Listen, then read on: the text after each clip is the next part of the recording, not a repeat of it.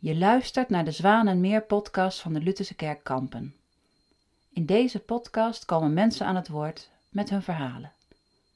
Ze vertellen je hoe zij in het leven staan, waarom ze doen wat ze doen en wat hen daarbij drijft. Het zijn verhalen over voluit leven, over er vol voor gaan. Noem het levenskunst, voor jezelf en in de ontmoeting met anderen. Mijn naam is Medi Jiwa en ik ben hier al een paar keer eerder geweest in de loop der tijd. Dus weer heel leuk om in deze mooie kerk aanwezig te zijn. En ik wil graag iets met jullie delen, maar dat behoeft een korte introductie. Ehm, ik ben al een hele tijd met wat wij noemen spiritualiteit bezig. En in de afgelopen 45 jaar, ik ben alweer bijna 50 jaar, ik ben al heel oud. Um, maar ik was heel jong toen ik ermee begon, dat kan ook natuurlijk. Heb ik echt heel veel mensen gezien en gesproken.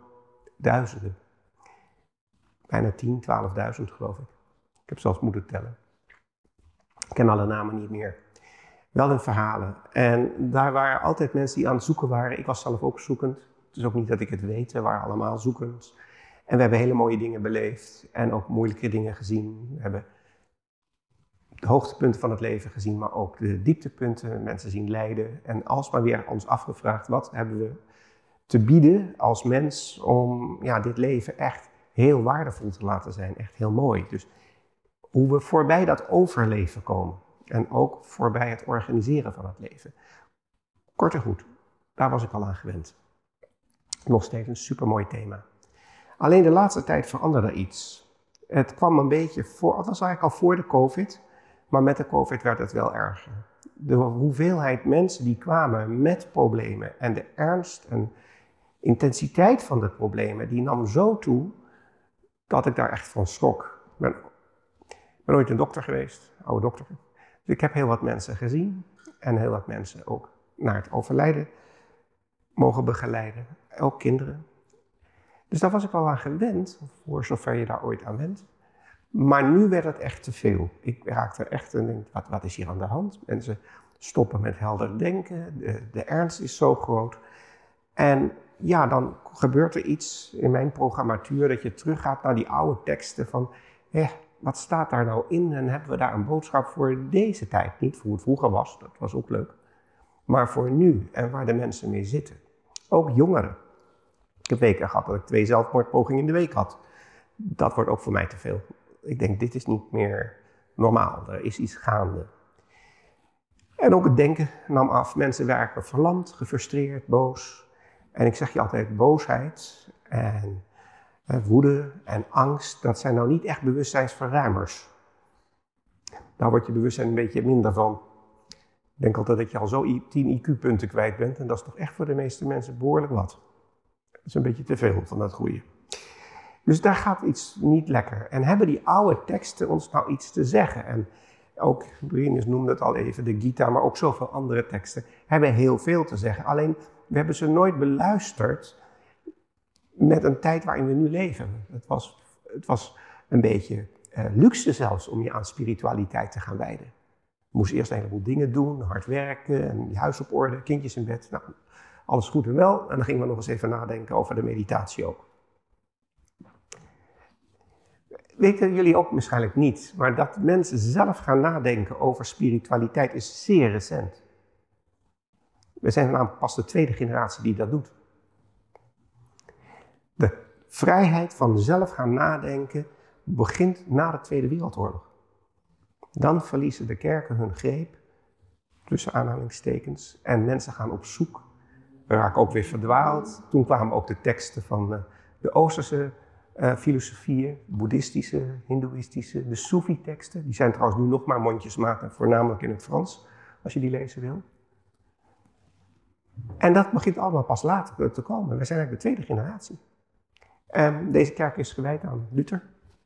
Hij was een van de mensen, 1541, uit mijn hoofd, ik hoop, je verbetert maar, dat hij dus begon met nadenken. En voor hem was Erasmus. In Italië. En in de 17e, 18e eeuw kwamen de wetenschappers, die gingen zelf nadenken hoe het zat.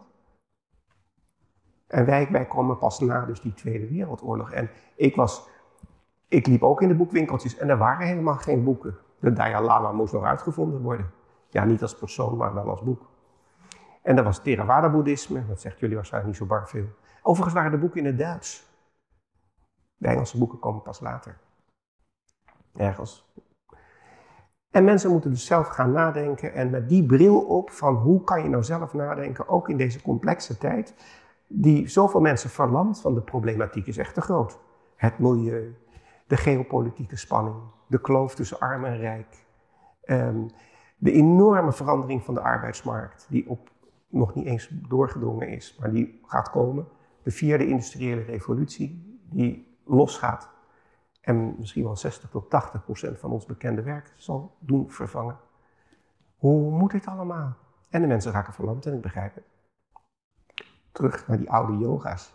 Waar hebben ze ons iets te vertellen waar we echt wat mee kunnen? En het antwoord is ja, er zit een heleboel in wat we kunnen doen. Er zijn een aantal dingen die eigenlijk van alle tijden waren, maar die ook nu overeind blijven. Dat is een beetje de gereedschapskist die eigenlijk iedereen zou mee willen geven voor onderweg. Voor mooie tijden, minder, minder mooie tijden. Maar dan ben je altijd weer blij met dat setje gereedschap, want dan kan je tenminste iets doen. Want het idee dat je niks kan doen en dat je te klein bent en te dom en te weet ik wat, dat is niet waar. Je bent een mens en een mens is een geweldig mooi wezen.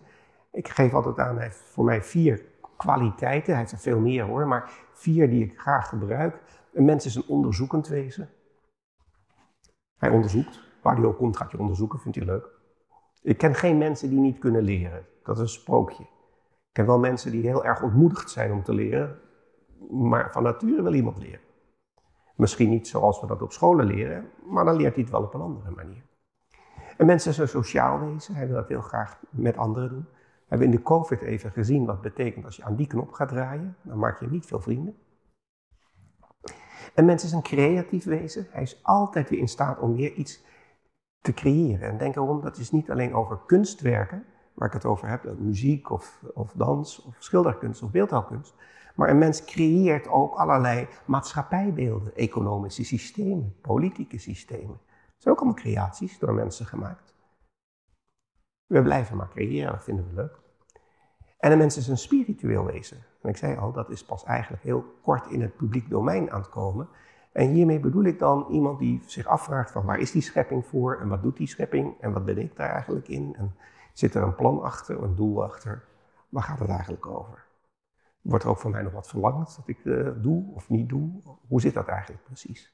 En is dat niet alleen voor één bepaalde cultuur, maar is dat iets voor alle mensen? Dat is ook leuk, voor alle mensen. En op die punten kunnen we aansluiting vinden. Nou, een van de dingen is wat je al zegt in de Indiase traditie, maar ook in de boeddhistische traditie. Er is een, een kleine mantra die ik verschrikkelijk mooi vind en die enorm veel mij heeft geholpen en ik hoop ook veel andere mensen heeft geholpen. En die zegt dit. Stap, stap. Iedere stap heeft in zich wat nodig is voor een volgende stap. Zo zet een stap. Eén stap. En de yoga is in wezen ook een wetenschap die gaat over dat traject. Yoga is eigenlijk een weg. Je zei het al van juk, het is een juk, maar het is eigenlijk ook een weg. Het is een weg naar eenwording. Het is een totaal pakket. En je kent in de Indiase traditie twee woorden die we helaas nooit vertalen, omdat ze bijna hetzelfde klinken. Yoga en yukta. En het wordt meestal nog aan elkaar gekoppeld ook. Yoga, yukta. Nou, dan vindt de gemiddelde vertaler er maar mee op. Ik maak er wel één, één verhaal van, yoga, anders wordt het zo lang verwarrend. En ze lijken ook op elkaar, maar ze zijn echt wel erg interessant om te bestuderen. Want yoga is feitelijk de weg. Dit is het plaatje. Yukta is het deel wat je van de weg hebt afgelegd. Wij kunnen hier praten in Kampen over de weg naar Parijs. En hoe we dat het beste zouden kunnen doen. Misschien moeten we toch maar weer eerst naar Utrecht en dan naar Breda. En, of heeft u toch een ander idee? Maar zolang we hier zitten en geen meter bewegen, zitten we nog steeds hier in kampen te praten over de weg die we niet gaan of misschien wel nooit gaan. Yukta is dat stuk wat je hebt afgelegd, wat je hebt beleefd, wat je zelf hebt meegemaakt. Dat is ook altijd gezaghebbend, want dat heb je zelf meegemaakt. Daar vind je wat van en daar voel je wat van. En je kan altijd een stap zetten op die weg, één stap. Een lange reis begint met één stap. En dan ga je nog een stap doen. En als je dat lekker doorzet, dan ben je aan het eind van de avond uh, een heel eind verder. En dat is ook eigenlijk waar ik het over wil hebben. Als het zo moeilijk is als nu en niemand weet meer waar hij naartoe moet of hoe je iets oplost, kan wel één stap zetten. Mini-stap.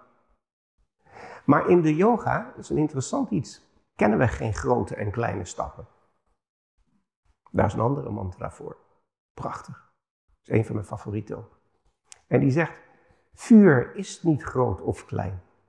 Het heeft het vermogen om te branden. We hoeven niet een reuze vuur te hebben of een heel klein vuur. Vuur is vuur. Het heeft het vermogen om te branden. Met een heel klein, zo'n kaarsje, zo'n mini vlammetje, kan een hele grote kaars aansteken. Of je niet zo'n ding voor geen fakkel mee te nemen. Liever niet zelfs. Nou, het idee is, wat hebben we dan aan te bieden als dat zo is voor die mensen die zo, zo vastzitten? Nou, de yoga kent een aantal basisprincipes die altijd overeind blijven. Dit was duizend jaar geleden zo en dat is nu nog zo. Dat geldt in goede tijden, ook in minder goede tijden. En het eerste wat we eigenlijk je altijd aanbieden, en Rinus stopt altijd zelfs ook al even in een passage uit de Gita, maar je komt hem ook iedere keer tegen en het is een, ja, zeer geliefd thema van me. En dat is dat iedereen zijn eigen lijn moet vinden. In het Sanskriet heet dat je swadharma, wat je echt bent, wat werkelijk jouw programmatuur is, waarvoor je letterlijk geboren bent. Wat helemaal van jou is. Dat komt heel dicht bij je talenten, dat komt heel dicht bij authenticiteit. En Plato gebruikt daar ook een heel mooi woord voor. Die beschrijft hetzelfde in zijn Griekse variant en daar noemt hij het de ware bestemming van een mens. De ware bestemming. En dat is niet vaak wat je hebt geleerd in tijd. Want als we nu allemaal naar het onderwijs horen, dan worden we geloof ik allemaal programmeur of zoiets dergelijks.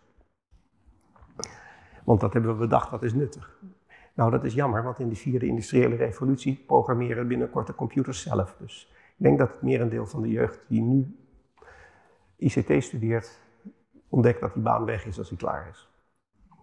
Want de computers doen het erg netjes. De artificial intelligence neemt het hele programmeren over. Dus dat is het ook niet. Luister diep naar jezelf en wat hoort erbij?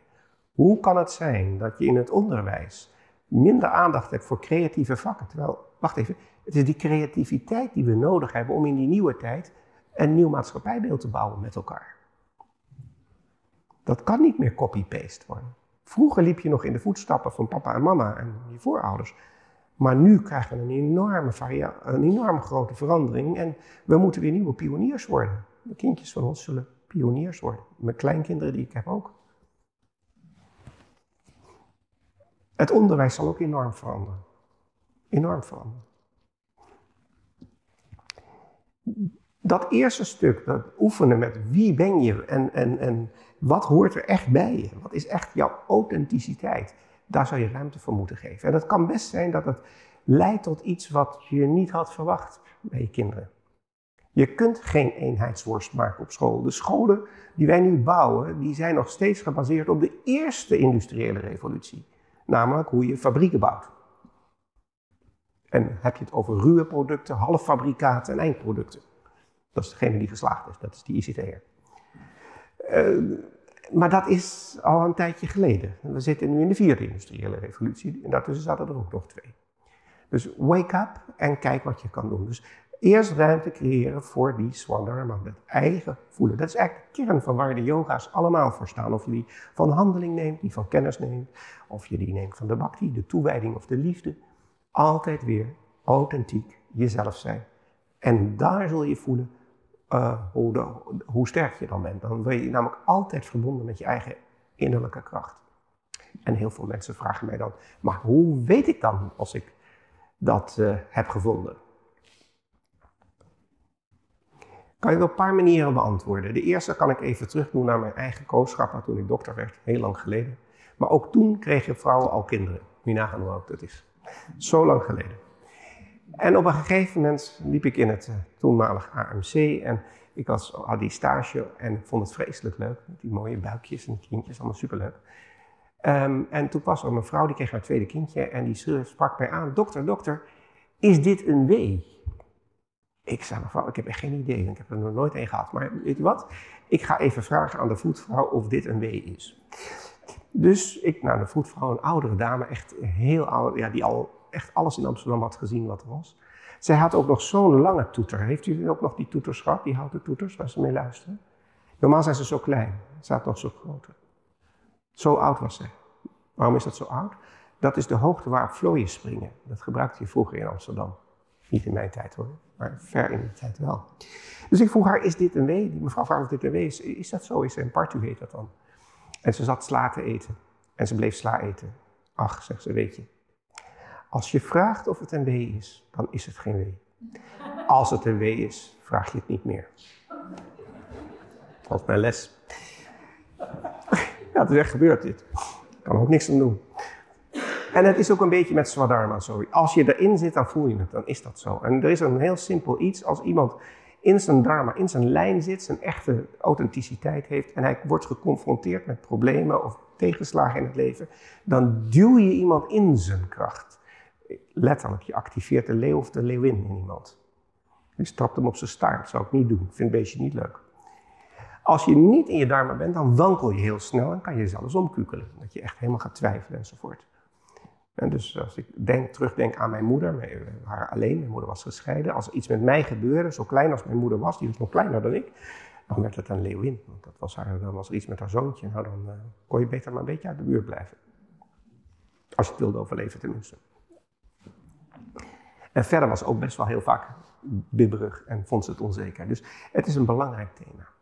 Het tweede ding wat je mee kan nemen, dat is ook iets wat eigenlijk iedereen altijd mee kan nemen, is dat wat je ook doet, hou eens op met steeds te kijken of je het goed kan doen en of je daar winst uit kan halen of succes uit kan halen. Want zo werken we vaak.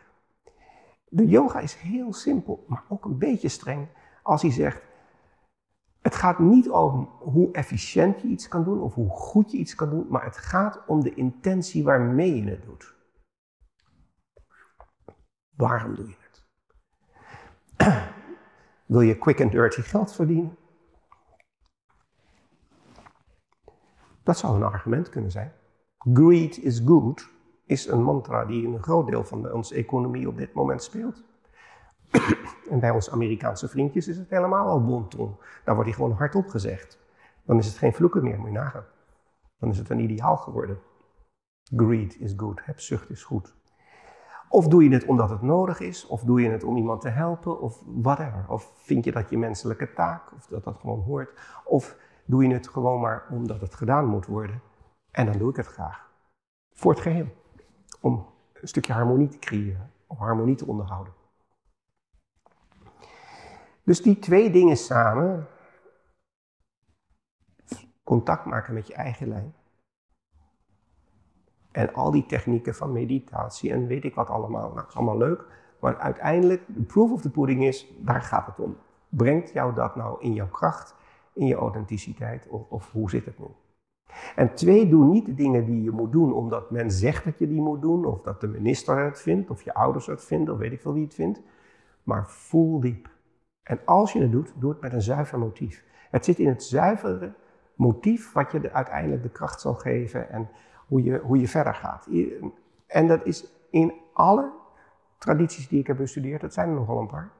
Dat is in het soefisme, dat is overal steeds weer de sleutel, de sleutel en de sleutel. En er is één ding wat je erbij moet leren. Drie, en dan stop ik hoor.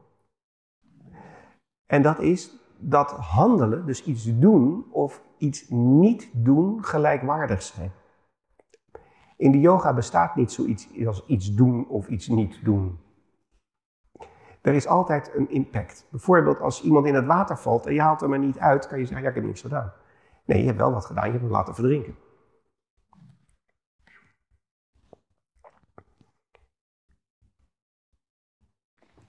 Als je iemand die verdrietig is niet troost, dan kan je of je, doet je deur dicht en je zegt, ik ben niet thuis, want ik heb het te druk.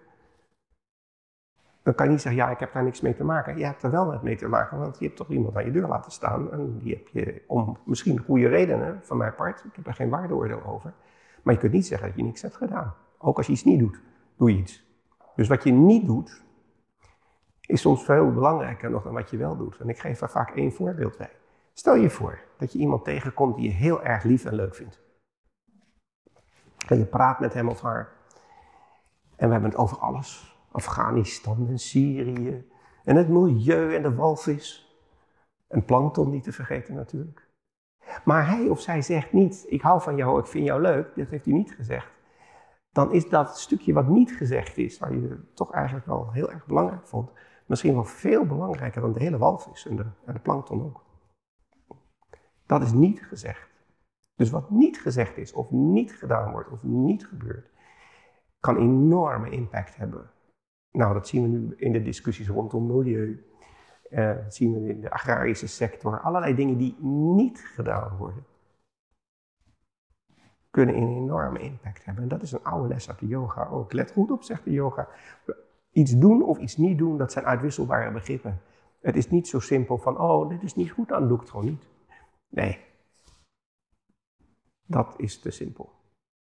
Dat is zoals wij dan zeggen, ja jongens, we gaan niet met slavernij werken en we willen niet dat er oneerlijke arbeidsvoorwaarden zijn, dus laten we onze kleding in Bangladesh maken. Um, is het daar dan wel leuk of zo? Of we hebben hier een schip vol asbest dat hier niet gesloopt mag worden, dat wordt dan in India gesloopt. Wat moeten de Indiërs met ons schip met asbest? Kunnen ze dat dan? Nee, natuurlijk kunnen ze dat niet. Ik heb zelf nog gezeten in de tijd van Tsjernobyl, heb ik nog wat onderzoek gedaan. En toen hadden we ook in, in Brazilië, geloof ik, dat het Brazilië was, uh, ook nog zo'n hele berg uh, radioactief afval. Ik weet niet of jullie dat nog hebben meegekregen. Dat was zwaar chemisch afval uit Europa. Een groot deel kwam uit Nederland. Wat moeten die Brazilianen met ons chemisch afval in hun oerwoud? En wat zei de staatssecretaris, dit is trouwens letterlijk gebeurd, dus ik mag het echt hardop zeggen. Die vertelde, ja, maar we hebben een contract met hun. Ja, maar dat is toch uw handtekening die onder dat contract staat? En vervolgens zegt u dus, ik moet wel, want ik heb een contract. Jongens, als je, dan begrijp ik wel dat die mensen op mijn deur zo down zijn en zeggen, wat moet ik nu? En het begint allemaal met iets simpels, een kleine stap. Dit soort dingen moeten we gewoon in ons eigen leven spiegelen. We hoeven niet te verwijten naar andere mensen. We zitten niet in de jury en we zijn ook geen rechter gelukkig.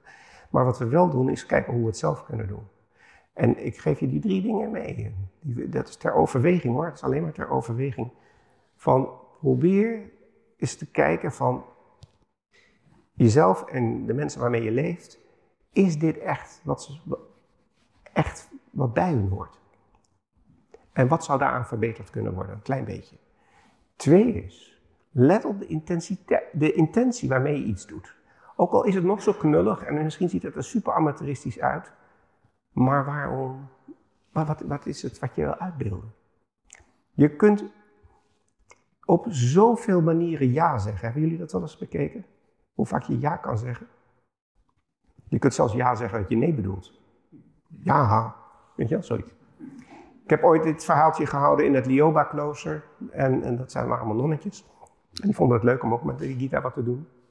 En zuster Anna, ze is nu overleden, die vertelde toen, ja, dat wisten wij ook al, hoe vaak we ja konden zeggen. Want zij waren met tien of twaalf kinderen thuis. En zij telden met elkaar hoe, op hoeveel manieren hun moeder, ons moeder heette daar dat, ons moeder ja kon zeggen. Dat was 32 manieren. Zover ben ik nooit gekomen, maar zij wel. Ja, dus die, dat zit in die intenties. Woorden zijn geladen. Daar komt trouwens ook het begrip mantra vandaan, want mantra is eigenlijk een energieveld dat aan een woord wordt gegeven. En dat is niet iets van India hoor, dat, eh, dat doet u ook. Eén mantra die we allemaal gebruiken. Mama. Mijn mama en uw mama zijn heel andere wezens, allebei mama, maar dat lijkt niet eens op elkaar. We weten er ook niks van, want ik zeg mama en u krijgt herinneringen van mama, ik ook. En dat is een lading en dat, dat is heel wisselend. Dus dat betekent dat het woord is niet meer taalkundig zo superbelangrijk, het is meer het beeld wat erbij hoort. Dat noem je mantra's. En die gebruiken we, het is een taalsysteem. Dus let op die intentie. En dan, het derde, kijk alsjeblieft nog eens goed van handelen en niet handelen, of iets niet doen of niet iets zeggen, kan een hele grote impact hebben. En vanuit de yoga is dat heel simpel. Dat heeft dezelfde waarde als wel iets doen. En dat kan mooi of niet mooi zijn. En dat zit weer in die intentie natuurlijk, waarmee dat, waarom je iets wel of niet zegt. Soms kan je beter je mond houden. Soms kan je beter niet je mond houden. Soms denk je, nou ik zeg maar niks, want uh, dan krijg ik een heleboel gezeur aan mijn hoofd. Maar soms moet je dat toch doen. Van dit klopt toch echt niet. Nou, dat zijn van die kleine dingen die, je mee wil, die ik mee wil geven. Het is ingegeven door de tijd eigenlijk. Ik heb er zelfs nog een boekje over geschreven. Juist om iets mee te geven aan mensen van... wat kunnen die hele oude tradities ons nu leren... die we dagelijks kunnen gebruiken. Nou, ik hoop dat u meevoelt. Dit is geen rocket science. Dit is echt niet moeilijk. Dit, kan iedereen. Ik ken niemand die dit niet kan. En het kan echt een, eh, een verschil maken. En ik hoop dat we op die manier toch steeds met elkaar kunnen bouwen aan een steeds harmonieuzere en betere wereld. En uh, ja, als ik de krant goed lees, dan uh, is dat geen luxe. Dus we kunnen het doen. En vandaar de uitnodiging. Zet een stap. Dank jullie wel.